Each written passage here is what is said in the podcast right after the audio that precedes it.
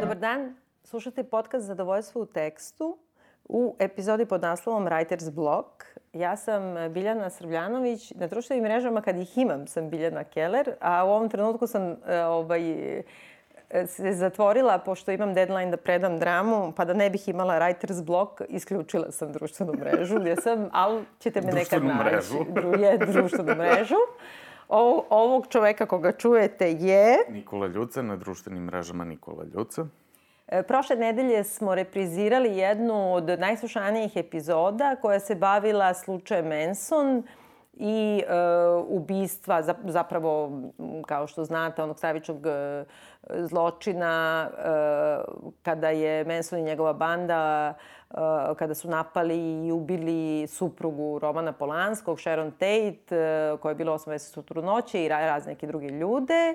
I e, to je bio nekakav uvod zapravo u ovo nedeljnu emisiju u kojoj želimo da govorimo o jednom filmu i jednoj knjizi, a i malo šire. O jednom i jednoj spisateljici. I, i, i tako dalje, a i, ka, a i o writer's bloku. Dakle, radi se o poslednjem filmu Romana Polanskog koji se zove Prema istinitoj priči e, koji je premijerno prikazan na poslednjem festivalu u Kanu izvan konkurencije i koji je počeo da se daje u Francuskoj i u Evropi ove jeseni, a stigao je tamo gde ima da se nađe. Jeste, a bio je kod nas na festu. I bio je kod nas na festu i e, koji je zapravo i otvo, kojim je zapravo otvorena nedelja ili mislim 10 dana ciklus posvećen e, Romanu Polanskom u francuskoj e, kinoteci u Parizu ovog oktobra e, propraćenog brojnim protestima feminističkih organizacija i kontroverzama, o čemu ćemo takođe pričati, ali to zapravo nije primarno. O, Meni je zanimljivo što sam shvatio da on ima 84 godine. Da. I dalje radi ko lud i dalje, meni to, meni to fenomenalno. Sad, u sve druge probleme koji idu uz njega, jel, ali 84 godine. Ja sam gledala neki njegov intervju uh, pre jednog godinu dana, čini mi se, um, koji, veliki intervju na francuskoj televiziji koji je dao povodnom svoje autobiografije uh, koja se zove, na primer, Izvinjavam se ili, ili tako nešto i gde je dugačak jedan intervju i gde je voditelj rekao kao za mene je primarno kad vas vidim to koliko ste vi brzi i pokretni i da je on neprestano u pokretu i da to užasno brzo kuće, hoda. To je u koji je bio u Švajcarskoj? E, to je bio otprilike u isto to doba. Ovo da. je nešto bilo kao u studiju nekom, ali u, u, u to doba je zapravo i u štatu je to, to bilo. To. Ovaj, I da je ono čovjek to od 80. kusur godina koji ono je užasno fizički aktivan i da ga drži mesto. I uopšte dosta je ovako... Ja mislim da ti ljudi koji prežive neke velike tragedije u životu, pa i koje dotakne holokaust, oni nekako, ja mislim, budu ono vitalniji e, na neki, kao neki, kao to zlo da im daje neki eliksir mladosti. Jeste, ja ljude koji su preživeli jel, neke od koncentracijnih logora za vreme drugog svetskog rata i Srbije, svi su doživjeli baš duboku starost. Mislim, to jeste nešto što, što kao važi i generalno koliko preživelih ljudi holokausta to, to ostane. A dobro, nije to sa tema. Meni... Mada sam ja imala teoriju uh, zasnovanu isključivo na anegdotskom poznavanju Leni Riefenstahl, a to je da su ovaj, nacisti zapravo naši neki eliksir mladosti, ono, na primjer, mučeći decu po logorima, jer je to, na primjer, neverovatno kako je ona, ono, u stotoj godini sa onim nuba plemenima ronila i izgledala je kao moja bivša se, svekreva u stotoj godini. Dakle, onako potpuno kao dosta mlađe u ovom trenutku i od mene. Biljana Srbljanović specijalno za treće oko. da. Nacistički eliksir mladosti. Tako je. I primenjen isključivo na Leni Riefenstahl. E, mogu li da počnem onim mojim uobičajenim? Kako ti se dopada film? Pa dopada mi se, iako to baš nije neki film. Mislim, to je onako za hardcore fanove Polanskog je on nekako super i to, i to je ono što mi je i što će drugima da se dopada. On ima 100.000 problema, ali opet s druge strane on toliko ima tako inteligentnih tu stvari rediteljskih, opet ima u, ist, u istoj meri potpunih trapavosti i, i nekih čak onako na ivici. Ali dobro, to je Polanski, ono kad, kad ne znaš je li ozbiljan, je li namerno pretero ili je samo poludeo, što je uvek kod njega super. Ovde se po prvi put ja pitam da, da ne znam koliko je on to ishendlao, koliko je iskontrolisao, ali dobro. U suštini, u suštini mi je prijao, mada moram da priznam, ja sam film... E, prijao mi je sad kako vreme odmiče, više nego u trenutku kad sam ga odgledao, pogotovo zato što sam ga ja gledao na francuskom bez titlova, a moje poznavanje francuskog je onako 60%, 70% filma sam razumeo i sad to je onako ozbiljan, onako duodrama, dijaloška, pa je bilo scena da mene zabola glava od te koncentracije da razumem šta se, da bi tek na, pred kraj scene zaista razumeo sve šta su one pričale i to, ali eto. Ne, ne, ja veoma poštojem tvoj napor, ali e, ipak mislim da u suštini nema tu mnogo šta i to je možda i najveća mana filma, pogotovo u odnosu na knjigu, što tu nema mnogo nijansi koje ti ne. možeš da uhvatiš baš nekom, nego onako nekako kad te pogleda Eva Green urokljivo, ne mora ništa ni da kaže. Sve jasno. Sve ti je potpuno i previše jasno. A one meni nikad bolje ja nešto ne mogu uopšte da, da uhvatim kad sam ja volela Evu Green, osim što ono, u James Bondu. Mislim, nešto ne, ne, ne znam baš tačno, nemam nekakav odnos prema njoj. Ali s druge strane, prema Emanuele Senjer i uopšte toj porodici glumica imam strašno veliku naklonost. Isto, ja nju obožavam. Da, i nju i njene dve sestre, da. Matildu i da. Ludovin. I Uvek da, sam ja najviše volela nju. Ja sam zaboravio pa za da. Ludovin. Da, ja sam idiot, ja sam da. to zaboravio. Da, ona je fenomenalna isto. I to je, to je neo, neobično, zato što uh, Matilda, ne znam, mislim da je ona srednja sestra, ona uglavnom igra u Francuskoj onim nekim populističkim komedijama, vrlo često, ono, naš, kao... Pff, one neke, na primer, laf u srcu ili tesna koža, pa kao u to doba, ako se sećaš ono nešto, na primer, Tanja Bošković, što stalno u bikiniju pokazuje dupe, otprilike ima takve neke E, i, I to je prati, a užasno inteligentna i jako dobra glumica. E, Emanuel, ona je na neki način najosporavanija. Osporovanija. Os, a? Osporavanija. Osporavanija, sigurno se ne kaže tako, ali najviše osporavaju e, zbog toga što su uvek tetirali kao ženu Polanskog i kao ona igra samo zato što je on uzima, ali u stvari jedna veoma, veoma ozbiljna glumica i veoma osetljiva umetnica.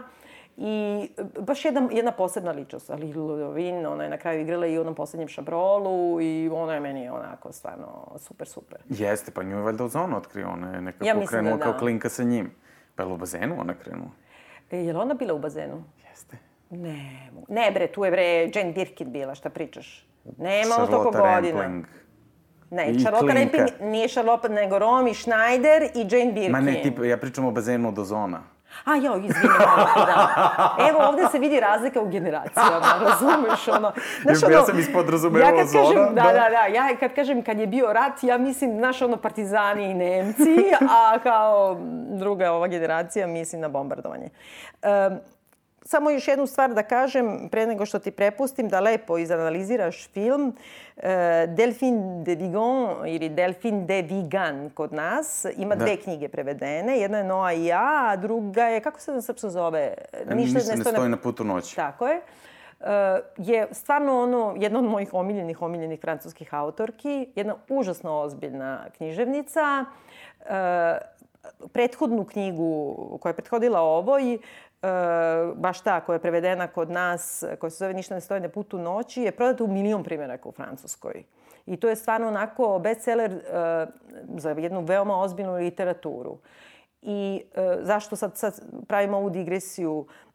Ona u toj knjizi, ko, koja je stvarno čarobna i teška i, i pametna i poetska, govori zapravo tu neku intimističku literaturu o samoubistvu sobstvene majke i u stvari o njenoj patnji, ona je bila bipolarna i to pogotovo u vreme kad se to baš nije sasvim prepoznavalo i uopšte šta znači to živeti i odrastati u takvoj porodici i šta znači živeti sa tom tragedijom.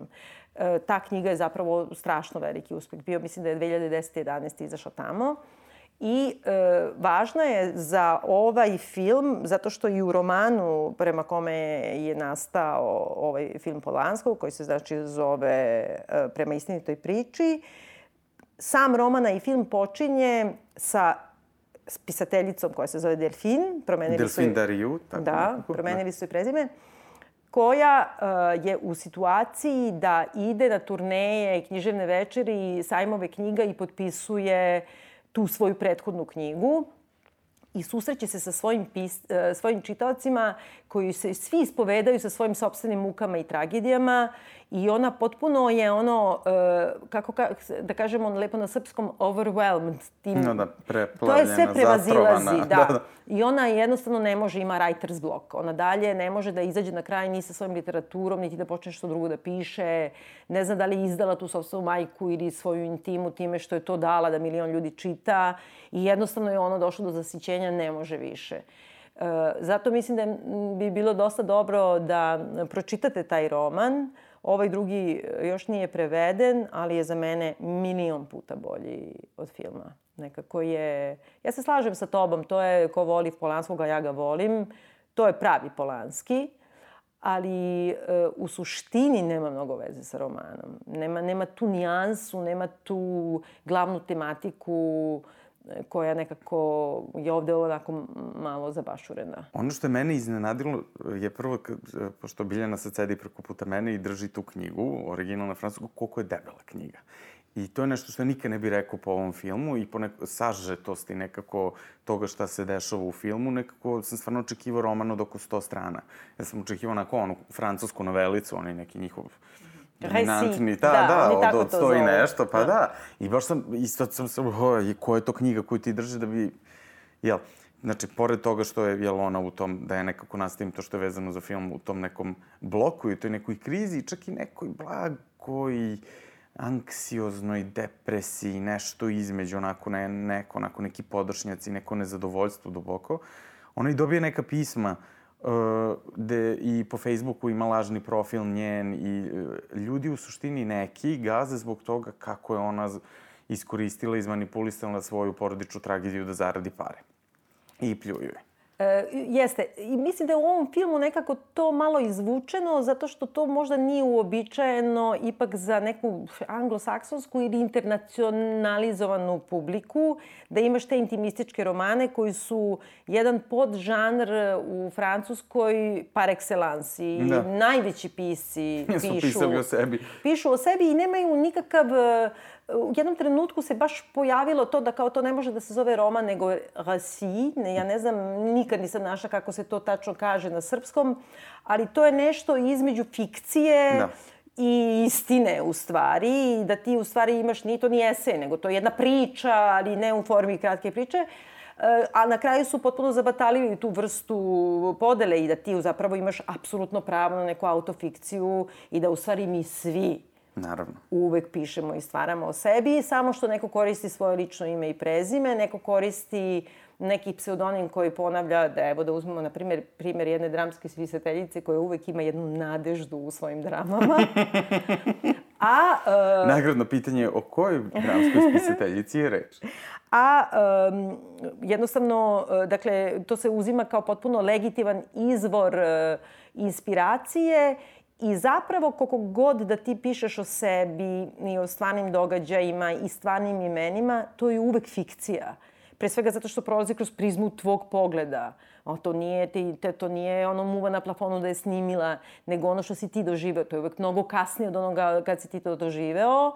I zato što u krajnjem slučaju svaka rečenica i stvarnost je obrađena kroz jezik pisca, ona više nije stvarnost, ona je literatura. To je isto ono što i Frljić negde radi u svojim predstavama kada uzima stvari koje su se događaje, likove, motive koji su se desili, ali to kad god da je na sceni sve da neko govori neke, neke autentične izjave, to i dalje predstava. I to i dalje scena i to gubi svoj značaj, a dobije neki drugi nadznačaj. Znači, simbolički to ostaje tu i dobije još nešto što, što to što nekako to nadilazi, ako to može da bude, jel, najobičnija zastava, najobičniji pištolj, on i, to i dalje je scenski pištolj.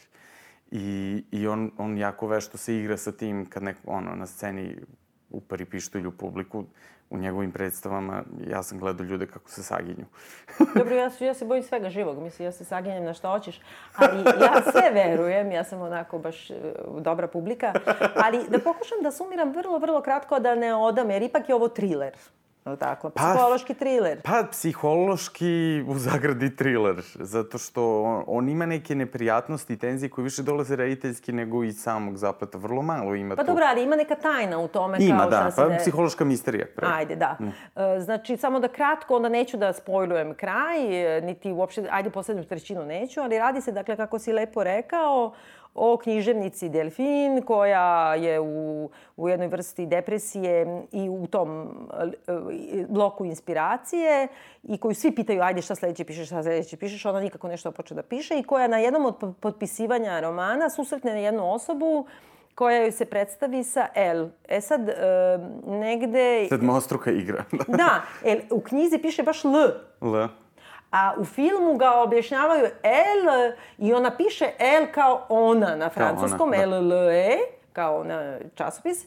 A još ova i doda, to nema apsolutno, još ova i doda i kaže skraćeno od, Elizabeth. Da. Znači, e, Znači, nekako... A sad ja sam imao filmsku intervenciju. Da, Da. da. scenariju, ad- adaptaciju romana, scenariju je pisao Olivier Assayas, što je zanimljivo veliki francuski reditelj, koga ja isto mnogo volim. Da, ja isto, ali mislim da na, uopšte nije bio dorastao ovome. I ono što... I e, ovako, dakle, poznaju se njih dve e, i nekako se zbliže veoma brzo, ali tako da El e, zapravo za početak neprimetno e, počinje da ulazi u život Delfin i da joj se nađe pri ruci i da nekako nekako se prirodno združe, iako je delfin dosta zatvorena osoba i ono socially awkward, ajde, kako kaže se to na savremeni način, i da ova žena počinje nekako da joj se meša i u to šta piše, počinje da, je, da useljavaju se u stan, e, počinje da upravlja njenim životom, da je izoluje od ljudi. A mislim još jedna jako bitna stvar, ona je nešto što oni igraju kad, kad ih on snima u nekim tako profilima, neka njegova meta persona Bergmanova, e, gde je ona kao neka mlađa, lepša verzija nje. Pa, mene je to dosta iznerviralo. Jeste? Iz, da, i mislim da je to onda otvara ove teme oko Polanskog i njegovog odnosa prema ženama. Da, da. Prvo, ovo mu je prvi film da ima dve glavne ženske uloge i sami priča uvijek ima ili muškarac i žena ili... Znači, ovde su baš odnosi između dve žene. E, kako kažem, Emanuela Senjer, ona je prelepa. On je ovde poružena, ona je sada i ostarila i sve. On Jeste. je nju dosta poružena. Jeste, pa to da onda da deluje izmučeno, naduveno, podbolo. ali e, tu nema nikakvog razloga. I onda s druge strane ova Eva Green koja deluje tačno to kao e, mlađa, ali meni nije lepša verzija nje, nego nekako Pa više ta neka- očuvanija.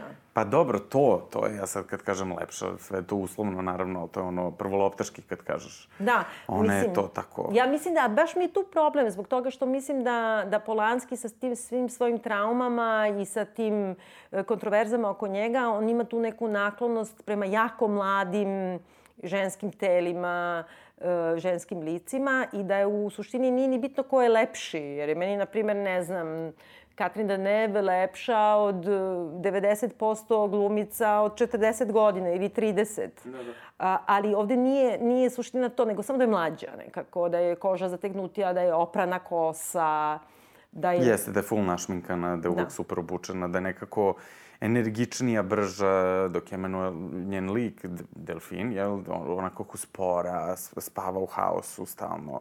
Tako kad god ovo uđe u njenu sobu, ona kod imala neke košmare, kod da se celu noć vrtela u krug po krevetu, to sve tako deluje.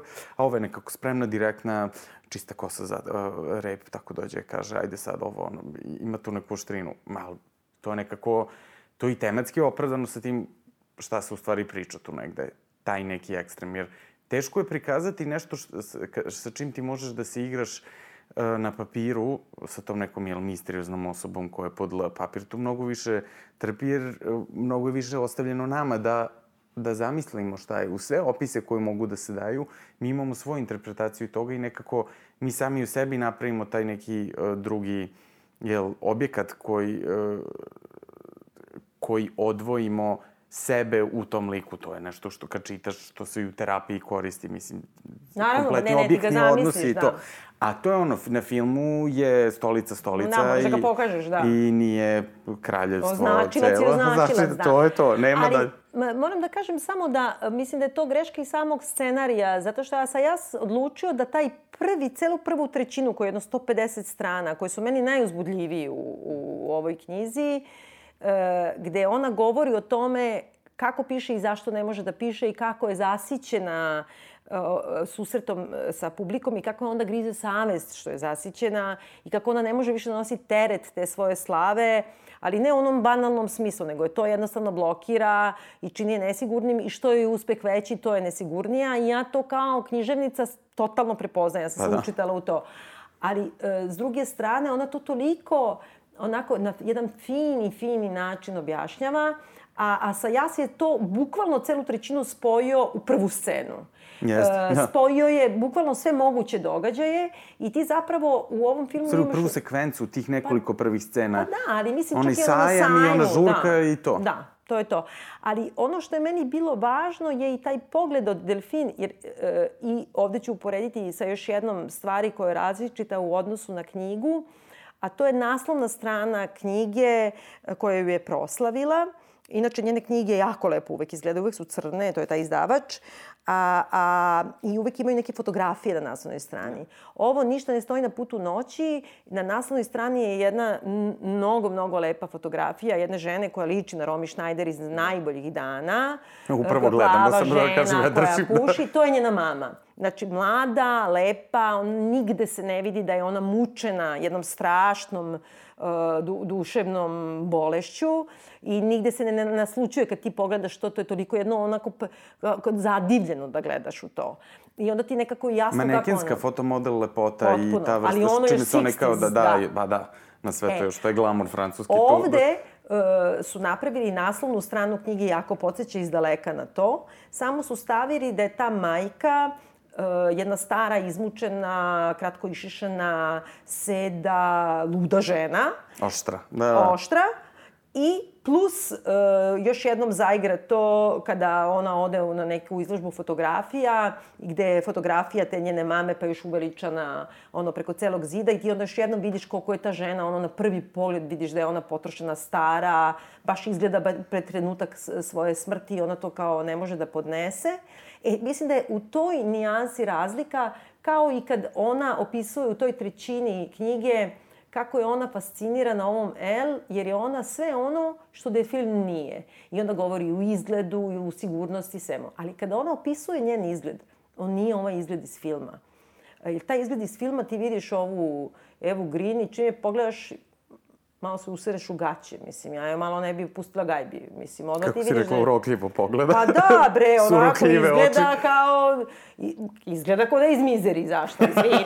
Jeste, ali dobro, ali to je nešto, to je već Polanski. Pa znam, ali mislim da je mnogo nekako direktno. Ovde u knjizi ona objašnjava i to je ono, ja mnogo se učitavam u ovaj roman i mnogo volim tu Da, da, da, da, ali znaš, ona piše o tome kao upoznaje ovo i onda opiše detaljno, detaljno kako je ona obučena svaki put. I ona je obučena, ona kaže, ona uvijek ima namanikirane nokte, ono besprekorno, kao ja ne umem da ih namažem. A i to. Ali ona govori o tome šta ona na sebi nosi. Ona na sebi nosi nešto potpuno jednostavno. Znači, nema tih stvari tako upadljivih. Ona nosi onaj francuski šik. Znači, ona ima sve nešto oko nje je lepo. Košulju, sako i- šo, da, da. košulja, neki kao džins, nešto bilo šta. Znači, ništa nije ono napečeno, nema tu skajiš, nije moda, nije... To je Nije ono Italija, Kako, nije. Na, ne, nije Italija, nego je Francuska.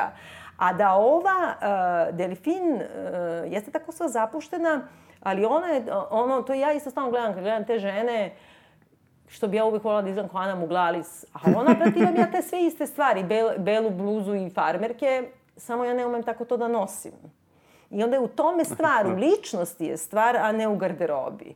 Nekako, e, to mi je metafora za sve u filmu. Nema te subtilnosti. Pa, to je ono što je izgubljeno u ekranizaciji. E sad, ja sam prvo gledao film, pa sam tek onda uzeo da čitam knjigu da, i da, da napravim to, aha, do koje mere. Sam stvarno pogledao film, onako, bum, nisam znao ni o Delfin toliko, to je sve krenulo nakon. I u stvari tad mi je film postao zanimljiviji. Ja mislim da dosta ovih stvari što si rekla, u Francuskoj mnogo jače funkcionišu, baš zbog toga što je film toliko poznata i što je ta knjiga toliko poznata i sve. Ali ti kad imaš samo te informacije, ona je napisala nešto da je o svojoj majici, o, o, o toj bolesti, o tome i onda vidiš onu sliku, to je jedan na jedan. To je nekako za, za kao neku sporednu liniju, time se to objašnjava. To je na prvu. Meni je zanimljivo nešto što nema, u, uh, ja mislim, u romanu, a da je nekako dodator mi to liči na Sejasa, to je uh, to je odnos uh, spisateljice sa njenim dečkom, koji je izdavač, to jest nije izdavač, pardon, nego je voditelj da. neke popularne nešto, da. književne uh, emisije, poput uh, one koju vodi Danielo Tej u Kaše od Haneke. Mhm. -huh. Evo, opet da, naši stalni motivi. što je Roger Ebert rekao jedno, u svojoj kritici za Kaše, najgenijalniju stvar. Uh, I sad, onako, kratak sinopsis filma, Daniel Lute je voditelj popularnog talk showa o književnosti. Da, to je u Francuskoj istina i stvarnost, ne izmišljam. da, da, da, jeste što da ne Pa da, e, koji nekako on nju ostavljao skoro sve vreme dok je tu da bi otišao da intervjuiše Delila i neke da, još mnogo. Da, baš je otišao do dom Delila i, i Bret Easton Ellisa. I... Šta imaš protiv njih, ja njih obožavam. Ne, ali, baš su... on došao, znaš, to je name dropovanje, to, ko, da to pomenemo ja našeg omiljenog Gorčina Stojanovića, tako da je on biro imena. Nema ni malo subtilnosti. to je, to ja se ja sebe učito tu, to su njegovi omiljeni pisci da. koje isto i ja obožavam. Pa to su svima, bre, omiljeni pisci, pa nema ma kome nisu. Ma nisu, o, pa dobro, to ti misliš. Pa dobro, u Francuskoj su Don Delilo i Bret Easton Ellis verovatno najpoznatiji američki yes. pisci. Mislim, mogo je nekako da izabere, barem nije morao ni da kaže. I drugo... Ali ja mislim da, je to, da to ide na taj pritisak, aha, pa da oni su još toliko veći od tebe i mislim ti si sad tu ostavljena. To je izmišljotino da sa ja sa sve. Pa da, da, to je, mislim, ali eto vidiš, to sam provalio znajući njega i njegove fascinacije i to, da je to u stvari taj moment da se ona, da se još više pojača to, to, to njeno haos stanje i ta njena nesigurnost u samu sebe. I šta, šta je tu, gde je tu Polanski genijalni, to je ono što on od najobičnijih situacija, on pravi nešto što je iz, to gori. Način na koji on snima, on, on, on, on koristi širokougalne objektive. Uvek se vidi kompletan prostor u kome su ja, junaci. Kakve su gajbe. Ne, ne, to, ne, da, to je super da. sve, ali to kod njega, to je kao realistično, pa onda to postaje hiperrealistično, pa već zalazi u neku čudnu stilizaciju. I kako se on igra sa, tim, sa tom dubinskom oštrinom i kako tu sve oni opstaju, tu i te stepenice i ta teskova i sve. Znači, on njemu prostor igra gotovo do onog nekog uh, VR momenta. I to, to ja volim kod njega i to je nekako njegov trademark svuda. Ovde je to pojačano jer je stvarno se dešava dosta toga u tom jednom stanu. Tako da taj, uh, taj trenutak kada ona prvi put ulazi u ozbiljan neki um, glič tog odnosa, to je, to je sam početak odnosa kad ona, ona ima neki polunapad panike, otvara vrata svog fantastičnog stana u kome piše i sad mi tu vidimo neku onako parijsku ulicu, onako neki lep kraj i to sve. A onda preko puta u zgradi je tu Eva Green. I sad, način na koji je to snimljeno, to je sad moja obsesija. Ja, ja sad tu tačno znam da je to sad umetnuto, da to ne može zaista tako da izgleda. Ti to ne možeš na taj način da snimiš, ali baš zbog toga to dobija, to je i tačno. Da on zna da iskoristi falinku e, kamere i specijalnog efekta da bi stvorio neki mislim, falinku, to je stvarno nijansa koju možda ne, ne primećuje niko ko se ne bavi ozbiljno filmom u smislu to kao ja montaža kamera, režija, pa da, da, da, da. Misliš to ti da kaže. One, ona ne može da je vidi tako daleko ili kako? I tako e, na taj način snimljeno i oštro uh mhm. -huh. da se vidi uh mhm, -huh. taj tu deo. Mhm. To, to nije moguće snimiti bez nalepljivanja, bukvalno taj deo kadra isečen i ubačen uh -huh. drugi deo na snimljen na odvojenom prostoru. A jeste to nekako svetluca, meni se to jako dopalo, e, nisam ali, znala šta eto, je. Eto, on je to, on, i tu, tu, tu vidimo genija na delu, takvim sitnicama i to je meni ključ, ja sam odmah znao šta je do kraja sve. Mm -hmm. Mislim, bukvalno u tom trenutku, jer to je to, ja sam Ma kako nisi znao kad je pogleda, da ne kažemo sada? Da, dobro. A čim dođe tamo, pa kad je gledamo, jeste, jeste. urokljivo Uro... gleda, bre. Urokljiv veštica. One, naš onako nešto. Ali, e, potpuno se slažem sa tobom i ima mnogo i neke autocitatnosti, ali u smislu da to razvija i malo podsjeća i na stanara i na to po, sve, pogled sve, na taj unutrašnje dvorište. Jeste, to potpuno je tako jedan melanž Pa da, i ta scena kada ona sanja svoju mamu i kako uzima taj njen kompjuter na kome ona ne uspeva da piše i baca ga kroz prozor, kako je to dobro i onda pogađa baš taj Jeste, prozor o kome ti pričaš. Jeste, to je jedno od najfascinantnijih sekvencija u filmu. To je onako Polanski u svom, u svom najboljem. Ali šta, šta je meni isto jako dobro, uh, to su sve te igre koje on pravi sa svim drugim i filmovima i svojim filmovima na tu temu i to je ono čak malo što bi rekli tongue in cheek. Malo je to mm. onako...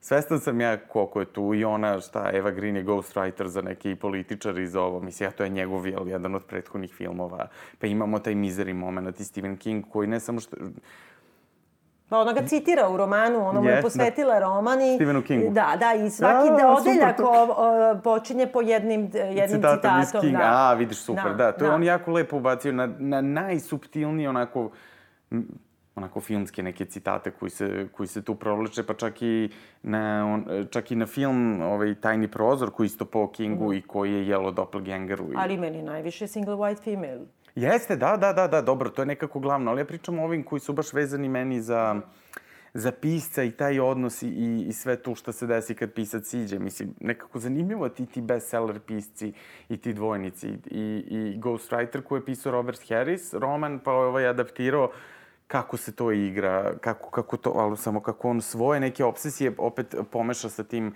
političkim ludilima kojima se on bavi u svojim drugim romanima. Ne znam, meni nekako to, vidi, vidi se autor koji jako dobro zna u kom kontekstu funkcioniše i sad se malo tako poigrava sa ti bi svestani da je to jedna mešavina svega toga drugog i da on ne može da uradi taj roman, nego su to tako motivi da napravi jedan skup ozbiljan film. Ja mislim da je on, on uh, tako odlučio da baš ozbiljno, ozbiljno shvati taj deo posvetu Stephenu Kingu i da ona zaista koristi taj nekako žanr toga, najviše da, da. mizeri. I mm, ima baš uh, na početku svakog odeljka, ja najviše, nekako mi je najtačniji ovaj odeljak koji se zove depresija, to je taj drugi odeljak. I sad, evo, ja ne umem da prevodim, ali ću da prevodim. Uh, ona citira Stephena Kinga i kaže u unutrašnjosti sebe, kako se kaže, unutra u sebi, u sebi samom, jedna, jedan glas ti šapuće po prvi put. Ko si ti dok pišeš? Ko si zapravo ti? I to je ono što meni jedino nedostaje u ovom filmu, e, i, a što mi se najviše dopada u knjizi i zbog toga mi je žao. Zato što ona može da bude bilo ko. Ona ne mora da bude književnica. A ovo je baš priča o književnici koja sumnja u to što piše i počinje počinje praktično da ludi i da pati od napada anksioznosti, jer e, uprkos ogromnom uspehu i objektivno zna da joj knjiga valja, ona sumnja u svoj talenat, pa plus e, ima utisak da je možda izdala tajne porodičane, ne ona u nekom bukvalnom i banalnom smislu, nego da nije pravedno poslužila. E, smešno je u knjizi baš zato što ti pisci koji su baš poznati po toj autofikciji e, moj drugi omiljeni pisac, pošto imam 700 najomiljenih pisaca, zove se Lionel Duroy i kod nas nije nikad preveden. Ja sam sto puta svima rekla da se prevede i sad sam opet googlala i opet nije preveden. Ima gomilu knjiga, uvek piše o svojoj porodici, Aha. do u detalja da ga porodica tuži. I jedan je strašno komplikovan čovek, vidi se da je ono, ima muku živu u glavi, ali ima jedno užasno teško i komplikovano detinstvo sa veoma čudnim roditeljima koji su bili prevaranti. I taj se roman... Su bili roman, prevaranti? Pa da, znaš, ono, e, davali čekove bez pokrića. Aha, to, to, to, to. Pa onda, naš, bankrotirali, pa varali u tom, ali imali, na primer, 12 dece. Pa onda kao svi oni moraju, na primjer, šest meseci da žive u kolima. Ali to je sve istina. I onda ga se, na primjer, porodica odrekne zbog toga što je obrukao svoje mrtve roditelje time što je rekao da su bili prevaranti, što oni jesu bili. I uh, spominje ga ona u knjizi, baš u tome što je ova ghostwriter, da. on je bio poznati ghostwriter, inače, kad se ne osuđuješ... Pa, ne mogu da se setim, ali mislim nekom, da li nekom sportskoj zvezdi. Ja, to sam teba se htio da kažem, nekom ja. futbaleru koji nam je... da, da, da. Jer e, kad si ghostwriter, to je ono, i time se bavi Polanski u ovom filmu pa. i to razmišlja o tome, to je ono ti uđeš u drugoga, i radiš tačno ono što rade autori autofikcije, a samo se ne potpišeš. Meni je to ulo. zanimljivo. Meni je to zanimljivo, to je jedan uh, poznati američki i sada producent, profesor na Kolumbiji i scenarista James Shamos, koji je osnovao Biofocus Features, uh, koji je producirao skoro sve filmove Angalija i pisao. On, to je mnogo zanimljivo, je radio, a to se saznalo kasnije, za onoj prvi, prvi rani talas krajem 90-ih uh, filmova po strip junacima i to. On je bio ghostwriter svih njih. Mm. I ima tu nešto da X-Men 2 ima jedan poseban nivo onako i metatekst tekstualnosti i, i, i onako političke kontraverze mnogo dublje od onoga što nudi sam, zato što su mu tu dali veliku slobodu da uradi šta hoće. Ali Eto. meni je krivo e, što je e, nekako nepravedno taj anglosaksonski svet je nametnuo to ghostwriter, a, ali, znaš kako se na francuskom kaže? Kako? Negra. Jo, Zamisli. I to nema nikakvu, to je baš je negra je onaj koji crnči za tebe. Koji crnči za tebe, Bukvalno, to, to se to, tako to. zove. I to je, to, toliko mi je tačno to. Međutim, ovde je baš specifično to da si ti ghostwriter ljudima za autobiografije. Ti pišeš nekome autobiografiju, Ja ne piše radio. sam. Pa ja bih isto vrlo rado to radila i nemam nikakav problem sa tim. Imate naše mailove? da. Ali e, hoću da kažem da, dobro, ja sam sada u fazi da baš kao Delphine de Pigon, posle četiri godine, ponovo sam počela da pišem dramu. Do sad sam od poslednje moje drame pisala neke razne adaptacije, radila hiljadu jednu stvar koja je vezana za pisanje, ali ono moje originalno da sednem da. kao i ona, otvori kompjuter i sad zija u Word prazan dok, dokument. U Wordu pišeš? U Wordu, u Wordu, da, da. Probala sam ono sve drugo, ali ne, mislim, ja ne mogu. Word je, je moje. Uh, I uh, bukvalno se nalazim u toj istoj ono anksioznoj fazi kad, kad uh, sumnjaš u sebe, kad odlažeš, kad uh, ne znaš da li to valja, da li, znaš, ono, napisala sam 200 stvari pre toga, pa onda i dalje sam potpuno... I dalje prvi put. I, to, i onda, to, to je meni naj, nekako potpuno sam se osetila da nekako ko može da mi približi e, publici kako izgleda naći se pre praznim papirom. Kako izgleda kad kreneš da pišeš, ona sve isto radi što i ja i u filmu. Da. Na, meni je super kad ona ode kod nje u onu kuću kad je ovaj mm -hmm, ga već da. izoluje i onda kao ima novi radni sto tamo koji je neki divan.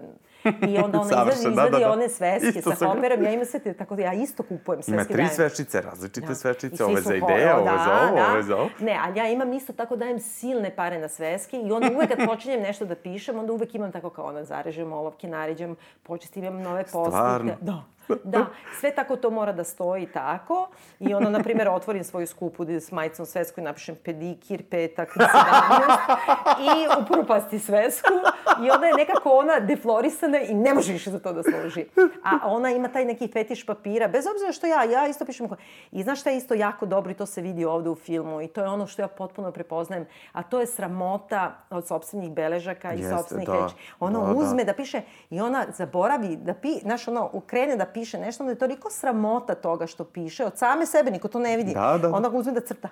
Da, da. Ta, da, naš, da. Znaš kada hoćeš nešto da napišeš, ja sam onda jedno vreme uopšte nisam pisala beleške, jer me prvo bilo sramota od sebe same. Ja nikad ne bi mogla kao ovu filmu da snimim svoj glas, pošto bi umrla dobro. pre nego što bi to odslušala. Da I onda sam sebi ovako rekla, dobro, e, neću da zapisujem svoje beleške, treba da mi stoji u glavi, ako sam zaboravila, trebalo je da se zaboravi. Uf, ja to ne mislim, ja, ja se u pola noći budem, ja koristim ovaj voice na, mm. na... Da, to je čudno, to je mnogo, još tako da se u pola noći... A posle slušaš sebe, pa te nije sramota? Ne, smešno mi je. Smešno mi je, zašto sam uvek, uvek, kad god taj note imam, voice note, to je to je neki glas, tik pred da zaspim u onoj među fazi kad ti sinu super stvari kad povežeš i to je...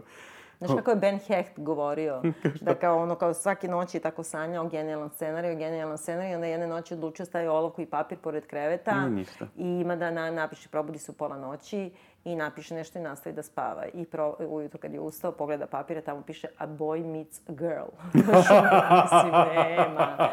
Nema, to što ti u glavi, ti u glavi. Nema da ti dođe da ti preleti. Ja stalno govorim i studentima, ja mislim da ne postoji inspiracija nego koncentracija.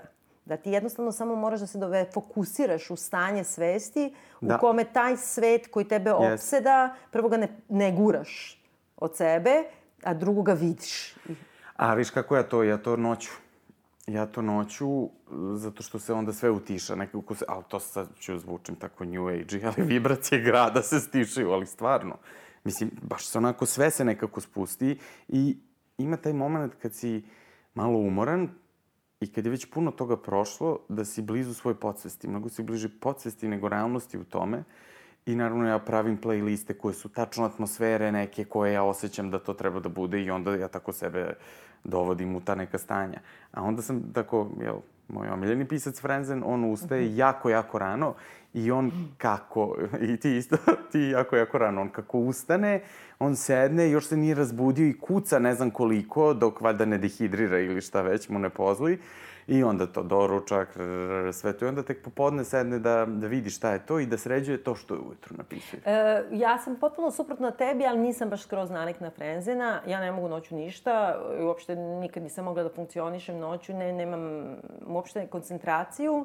I kad kažeš New Age i smetaju ti vibracije, imaš playlista, meni treba, znači, apsolutna tišina za moje misli. Ja živim sa čepićima za uši, a poslednju da, godinu mogu dana da, da potvrdim, da nosi stalno sa sobom.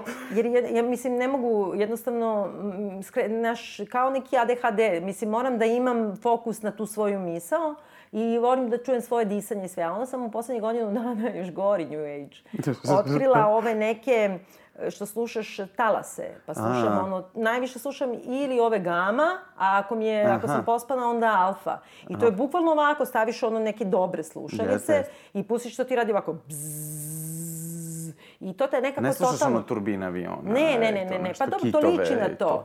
ne. I nekad sam čak i slušala da preko toga ide, na primjer, pada neka kiša i nešto, sad mi to smeta. A pogotovo mi muzika smeta. I uh, ujutru znači, šta sam noise. radila, uradila sam. Samo da. Noise. Ne, samo taj, to ti, to ti kao vibracija da je onako ti udara direktno u mozak i ti više ni ne čuješ što ti onako, baš bukvalno ili ovako... I sečete, da, da. I onda nekako, mislim, potpuno te izoluje, izoluje od sveta.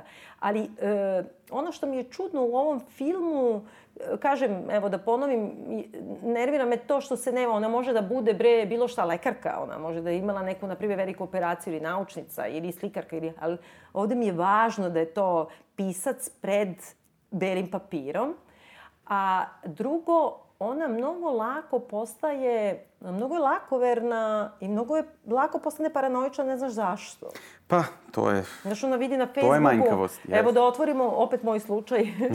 ona vidi na Facebooku, zahvaljujući ovoj da je neko otvorio lažan profil i da je pljuju po Facebooku i ona odjednom, a inače ni nema Facebook, niti ikad ide na to i zabole je uvo, ona odjednom zbog toga mora pije Xanax. Sad, Ali vidiš, meni je to igra. Meni je to igra sa onim, jel, tim doppelganger momentom to što ona njoj daje Xanax i to se onako nekako vidi ta kutija i to sve, to se nekako isfetišizuje taj predmet, to je taj svako ko ima bilo kakve probleme ispade anksiozno i to ima odnos prema tom leku kao nečemu što je jako bitno. Pa ne, naravno, ali zašto se ono toliko uzbudi oko jednog lažnog profila na Fejsu? Pa zato što je to povezano sa tim pismima i A, to... A pa se to ne raščisti. Pa ne, pa to bude Evo da uzmemo jedan... moj slučaj, mislim, ja na primjer, ono svako malo ima neki topli zec po tim uh, mrežama do te mere da, da. da mislim, moram da uzmem Xanax. pa, ali da. uh, hoću da kažem, ja sam ipak nekako i društveno prisutna i to ne, nema veze sa time da mi sad kao neko uzme da mi pljuje drame, pa ću ja sad uzmem rokam Xanđu, mislim. Do toga još nisam dobacila, stvarno. I onda je neverovatno da ona ode u taj korak. I znaš što je super? Samo da, neću više da tupim. Na samom početku romana. Ona ima, šta je početak filma, kada ona potpisuje na sajmu knjiga i redovi su ogromni i ona im potpisuje ovaj, i ne može više. I onda u jednom trenutku se ona toliko zasiti da ne može više. Ovde u filmu izgleda kao da je malo besna, kao dosta, dosta neću više. Onda kao, a ona tamo do iscrpljenja stiže I, ide, i ona stvarno psihički ne može više. I ona u romanu kreće da ode I onda na izlasku sa sajma E, priđe neka druga žena, ne ova kao mm -hmm. u filmu, i kaže, molim vas ipak da mi potpišete. A ona joj kaže, izvinite, ne mogu jer ako vama sada potpišem sve ovi ljudi koje sam odbila, nema smisla prema njima. A onda ova užasno uzme da je vređa i kaže šta ti misliš ko si ti, ti si neka zvezda i ovo i ono. A ova onako ode i posle je to muči sledećih dve nedelje, ali ne zbog toga što je ova izređala, nego što je nije potpisala. Osjeća se, e, znaš koliko sam ja sebe prepoznala u tome. U tome. Da. Znaš, to je ono kao da se stalno osjećaš, ti si ponudio sebe, skinuo si se go na sceni, u romanu ili bilo šta. Bukvalno si go se ovako skinuo i svi te gledaju. I još, oni hoće još neko parče tebe, a ti fizički to više ne možeš, da ne govorim psihički, ali onda te još dodatno ždere što ona mene sada ne voli. Ako klinački, da. Znaš, mnogo je smešno, ali je i strašno bolno. I ovde to nekako, tako sve je nešto stopljeno u neku tu, kao... Zanima ta popularnost i ta histerija, jedan, jel, od mojih najboljih drugova, koja je nenormalna zvezda, naročito teenage zvezda, i ta histerija koja nastaje u prostorima kad uđemo ja poznajem. gde... Ma Slaven, bože. A, dobro. ovaj... Znaš da sam ja jedina koja nije znala ko je Slaven, da se nisam upoznala sa njim. I rekla sam, Onda- čao, čime se ti baviš? Da li si to uradila? Da. A ti si mu uništila ego. Ma nisam, a dobro bre, nisam ja ono, ja nemam TV, mislim, ja nisam ovo što ste E, pričali. ali nebitno. I to samo kad uđe, ušetaš u tu prostoriju i samo čuješ, samo čuješ eho te, Slavin došla, Slavin došla, Slavin došla. I devojčice koje gube dah. I, tu- i, I tu sad, to šta se tu dešava, to je meni, mislim, to je preterano, jer nekako baš, baš ta teenage publika, ona ima posebno to ludilo. Ali ja onda zamišljam sebe, ja bi se tako ponašao da vidim nekog to tipa, da ja sad vidim Frenzena ili Knausgora koji se super uklapa u, u to ispovedno pisanje tužila porodica, to sam setio kad si pričala o ovom, ovom jednom od tvojih omiljenih pisaca, eto ja mogu da dodam Knausgora, Dobro, norveškog, Polanskog- norveškog prusta ovaj, i njegova... Ti bi ono sa koje vene da ga vidiš, jel? Da, ja bi poludeo, ja bi trčao to ko- dete znaš- da pričam da. nešto. Sa, A- sa njim i sa Frenzenom zaista. Delila i Istoneli se isto volim, ali sa ovom dvojicom imam neki, imam neki poseban odnos. Čuješ šta ću kažem, zato što to je ono kad te nešto dira na toliko duboko i toliko sad razumeš da želiš da zagrliš nekog tipa, to kao ti si fenomenalna osoba, glupa, pazi. I'm a ko- huge fan, da, razumem. Ko da sam da. neko ko nema nikakav odnos prema javnom, prema A tome. to ko je da... u tebi, znam, Jeste, da. i to je super. I mislim, meni je to simpatično i mi smešno mi je nekako, ali ja bi stvarno to uradio. Pa kako ne, pa šta ti je, ja kad sam imala poslednju premijeru u Beču, baš groba, Da. i e, u toj zgradi gde je pozorište, sticam okolnosti, ovako pogledam ono na predstavi, stoji posle predstave e, Vlada, Divljan i Dina. Jao. Ja ih nikad nisam upoznala bila. Jao, da. Ja vidim Vladu Divljana i sad moja je premijera, svi mi čestitaju, ono, znaš, ono, ja sam kao zvezda večeri, ja sam u fazonu, meni mora neko da upozna sa Vladom Divljanom. I sad, ne znam ko nije, valjda kao kako se ne znate, pa ne znamo se. I ja Da, ja se i kažem, na, to. A ispostavi se da oni stanuju u toj zgradi baš. I sad, došli da, Da. i došli su na predstavu sami od sebe Da, i da, sve, da. jer kao oni znaju ko sam ja i šta ja znam. Zamisli. I, ovaj, e, ja mislim, hit ovog našeg podcasta, moj bivši muž Gabriel. Jeste, da. Jeli? On tu je sa mnom i ja kažem, moram tu poznam s nekim, moram tu po... I onda on vidi da sam ja toliko uzbuđena, da mislim... Kakva moja premijera. Ja kažem, ovo je Paul McCartney, mislim, upoznaj se, ovo Da. je Paul McCartney. I, uh, naš, Da. taj neki trenutak o kome, ono, naš, ja, bio mi Vlada Divljan na, na premijeri. I nešto, onda sam se, u stvari, tad e, toliko zavolela Dinu, koju sam takođe tada Mhm. upoznala. I prvi sledeći put sam je videla nakon Vladine smrti. I osjećam je bukvalno kao deo svoje porodice. To, to. Ono, kad je vidim nekako, mi imamo nešto, ono, znaš, kao, kao jadna ona žena, mislim, izvinjavam se, Dino, ali e, nekako baš taj trenutak divljenja nečoj umetnosti, ne, ne, ne, nečoj veličini i harizmi. Da, ja, znači, pošto je to Frenzen, pa ja sad znam da on često ide u Nemačku, jer je on i germanofil i bio tamo na Fulbrightu i svašta nešto i često ide u Berlin, u stvari, konkretno. I, ovaj, I to on piše u raznim koji su mu omiljeni krajevi. I sad ja kako sam bio tamo tri meseca, ja sam to tako jel, projektovo kosmosu da mi, da mi prikaše Frenzen, kao šta god. Da, toliko da sam se u jednom trenutku, ja sam mislio da sam ga video, ja sam krenuo da pratim jednu osobu da bi, dok, dok nisam shvatio da nije. Majko, A mislim, stvarno je smešno, ali... Stokeru. Ti, si, Stalker, ti jeste. si ova Eva Green. To, pa ne, ne, ali dobro, pa to je taj stokerski vojerski koji reditelji imaju, pa ti to moraš da imaš, mislim, Pa naravno, da bi da, se da. bavio, da Samo morate se loži stidim maksimum. malo, znaš. Šta? Ja se stidim, mislim, mi smo, uh, radit ćemo, ja mislim, možda sledeću ili ono tamo emisiju o onom jednom mom drugom najomiljenijem O, francuskom pis- piscu, da, da, da. koji se kako se, uh, Emmanuel Carrer, i ja sam ušla da tražim uh, da mi potpiše knjigu baš ovo. Ja sam se toliko priznojila. Meni je bilo toliko, pa, mislim, pričat ćemo o tome, dala sam po, ra, lažno ime, sam nosila drugarici, pa sam se onda zbunila, pa... I znaš, ono, sama ta scena... Si lažno ime. da, Pa to je već zato tvoja drama, ma znači, da. to je sad Ali znaš koliko je meni bilo ono sramota, strašno, stojim ovako u redu kao, ali to nije ono kao da ti šiziš za njima kao za rock zvezdama, to je ipak malo kao je neki nešto drugo. intelo fazon, a ti ne znaš, ja znam kad ja potpisujem svoje knjige, a u Francuskoj, opet, Vicky Gabriel sedeo pored mene, da mi, da mi speluje. Jer ja, i da naš ja, ortograf francuski, to je ono katastrofa. I onda Dobro. kad mi neko kaže ime, onda mi ovaj kaže na srpskom, V, G, M, razumeš? Da ne bi pogrešila kako se piše.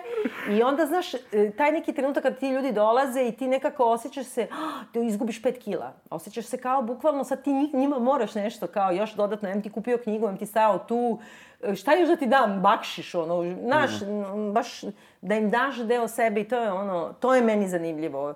Osjeća se to i u filmu. Jeste, ali zato što to je, to je prvo pisci sami to pišu. Ti kad pišeš, ti si sam. Ti kad čitaš knjigu, ti si sam. I... E, ali znaš, pozorišni pisci, ne, to je razlika naša. To da. je živa muka. Ti si sediš sa svojim, to ja stalno ponavljam. Kad napišeš roman, tvoj čitalac možda sedi na klonji. Da. I ti to nikad ne vidiš. Tač. Kad napišeš uh, komad, ti, ti znaš, sediš s njim, čoveče. Jeste, I sad jeste, kao, niko jeste, se ne smeje, a ti jeste. umireš, ono. Znaš, mislim, To se meni dosta često dešava. Dobro, zove, ja, mor, ja sam od sad redovni gost na premijerama, to mene zovu da bi se smeo čak i kad nije smešno. Da, ovim smehom, da, da, da. Za, tako povučem. Dobro, e, za sam kraj da se ipak osvrnemo da ne pričutimo i tu tog slona u staklarskoj radnji koji stoji, oko koga obilazimo, a to je taj zapravo situacija sa Romanom Polanskim. Aha, da. I, to je trenutak to... si uzmano šta ćeš sad da kažeš. Ne, i taj, e, taj, taj veliki, kako kažem, jedan pokret bojkota, ovaj, Femen e, da. je napravio, upadali su da zaustave u, u kinoteci francuskoj. E, uopšte, on se povukao da bude predsednik žirija Cezara, da. pa ga brane, pa Odbije i tako da dalje. Odbije da bude i u Kanu Nešto. U Kanu nije te u glavnoj konkurenciji to. da bude, ali se pojavio najnormalnije na tepihu. Ne, ne, nego isto žiri odbio Verovatno, skoro da. pre godinu, dve, tako nešto. E, s druge strane, onda on opet ode u Švajcarsku gde su ga držali i u pritvoru i u, u kućnom pritvoru. E, I nekako u svim tim svojim autobiografijama i brojnim intervjuima i tako dalje, on veoma lapidarno govori o tom svom zločinu koji nije makar šta. Nije. E, I e, samo kaže, ja sam kaznu odslužio. I on zaista jeste bio u zatvoru jeste. u Americi. I to jeste bilo pre 40 godina. I, jeste I služi bilo... konstantno, služi do kraja života. Mislim, on je obeležan. Pa dalje služi. Ja mislim nekako on nema, malo nema prema tome ono... On samo radi. Pa mislim, on ja radi da... ne, da... Ali kako ne, mislim, kako ne napravi jedan film o tome? Uf, to razmišljao sam, baš sam razmišljao o tome, ali meni je to, na primjer, ono on ima to nešto da se pojavljuje neka prošlost koja te goni na razne načine. Tu imaš ono i smrti devojka i njegov, meni jedan od omiljenih filmova koji je potpuno tako pocenjen, Deveta kapija, jedan bizar potpuni. Mislim, tu kako se on igra sa tim, šta je šta je đavo, šta je satanizam, šta je to psihološki, šta je to emotivno, šta je to... Mislim, to on stalno ima, pa...